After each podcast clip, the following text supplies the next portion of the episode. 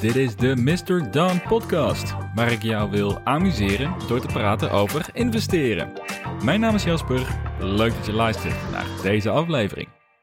In deze aflevering wil ik afrekenen met de eeuwenoude mythe dat particuliere investeerders kansloos zijn tegen de grotere investeringsfondsen.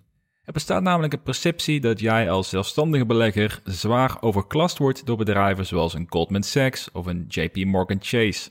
Zij beschikken over honderden werknemers die afgestudeerd zijn binnen dit domein en hebben daarnaast voor vele tienduizenden dollars aan software en tools om hen te helpen. En toch heb jij een voordeel die zij niet hebben. En daar gaan we het vandaag over hebben. Voordat we starten, de gebruikelijke disclaimer. Deze podcast is puur voor entertainmentdoeleinden. Ik ben geen financieel adviseur, dus doe altijd je eigen onderzoek. Een tijdje geleden luisterde ik naar het audioboek van de legendarische belegger Peter Lynch over zijn boek genaamd One Up on Wall Street. In dit boek geeft hij aan waarom gemiddelde particuliere beleggers een voordeel hebben over de grote investeringsfondsen.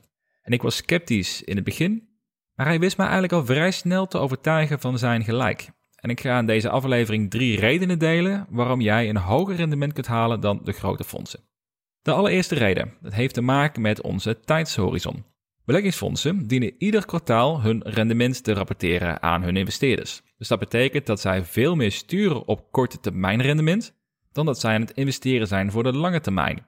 En hierdoor liggen er kansen bij aandelen die een enorme potentie hebben, maar waarbij er niet direct in het komende kwartaal een katalysator is voor een verdere prijsstijging.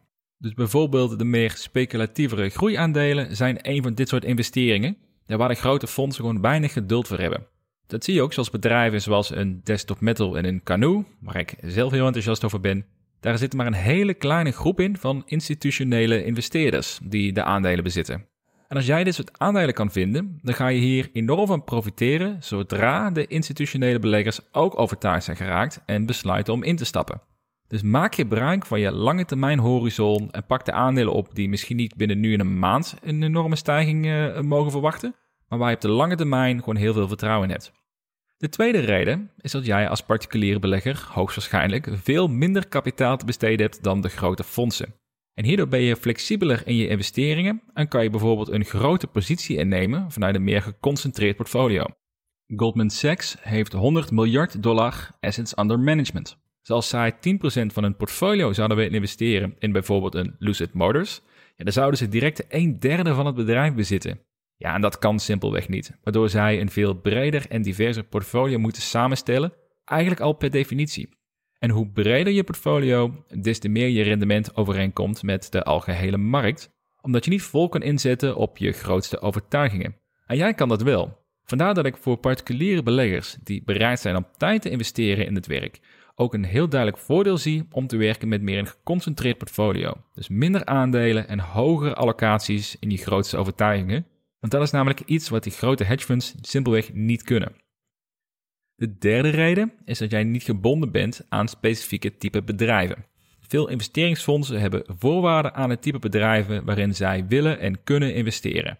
Dus dan kan je denken aan bijvoorbeeld een minimale market cap, een historie van minimaal 5 jaar winstgevendheid of een verplichting dat er een dividend wordt uitgekeerd.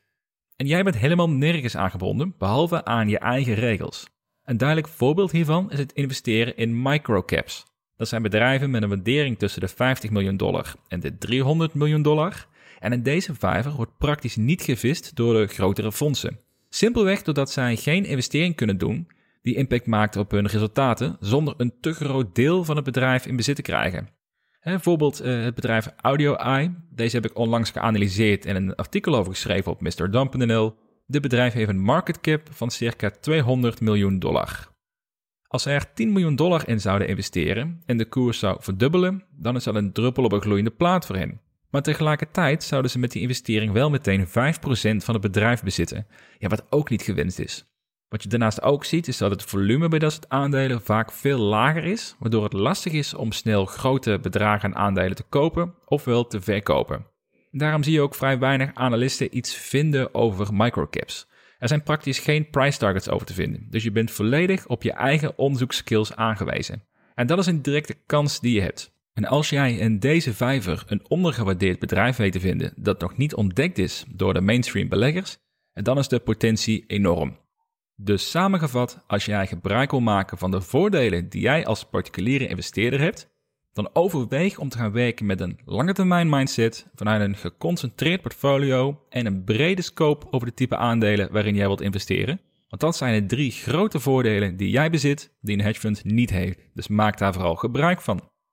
Tot zover deze aflevering. Laat me weten wat je ervan vond via iTunes of via Twitter en Instagram via MrDonNL.